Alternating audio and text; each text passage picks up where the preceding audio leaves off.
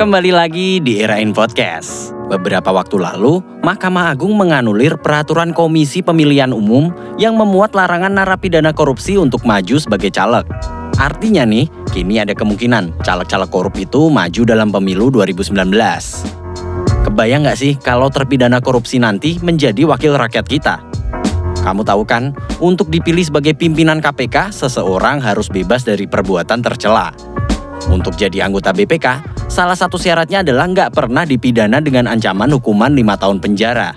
Nah, untuk jadi hakim agung nih, seseorang harus bebas dari catatan sanksi pemberhentian karena pelanggaran kode etik.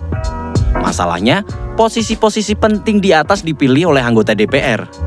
Ya, skenario terburuknya surat-surat kita diisi nama-nama koruptor.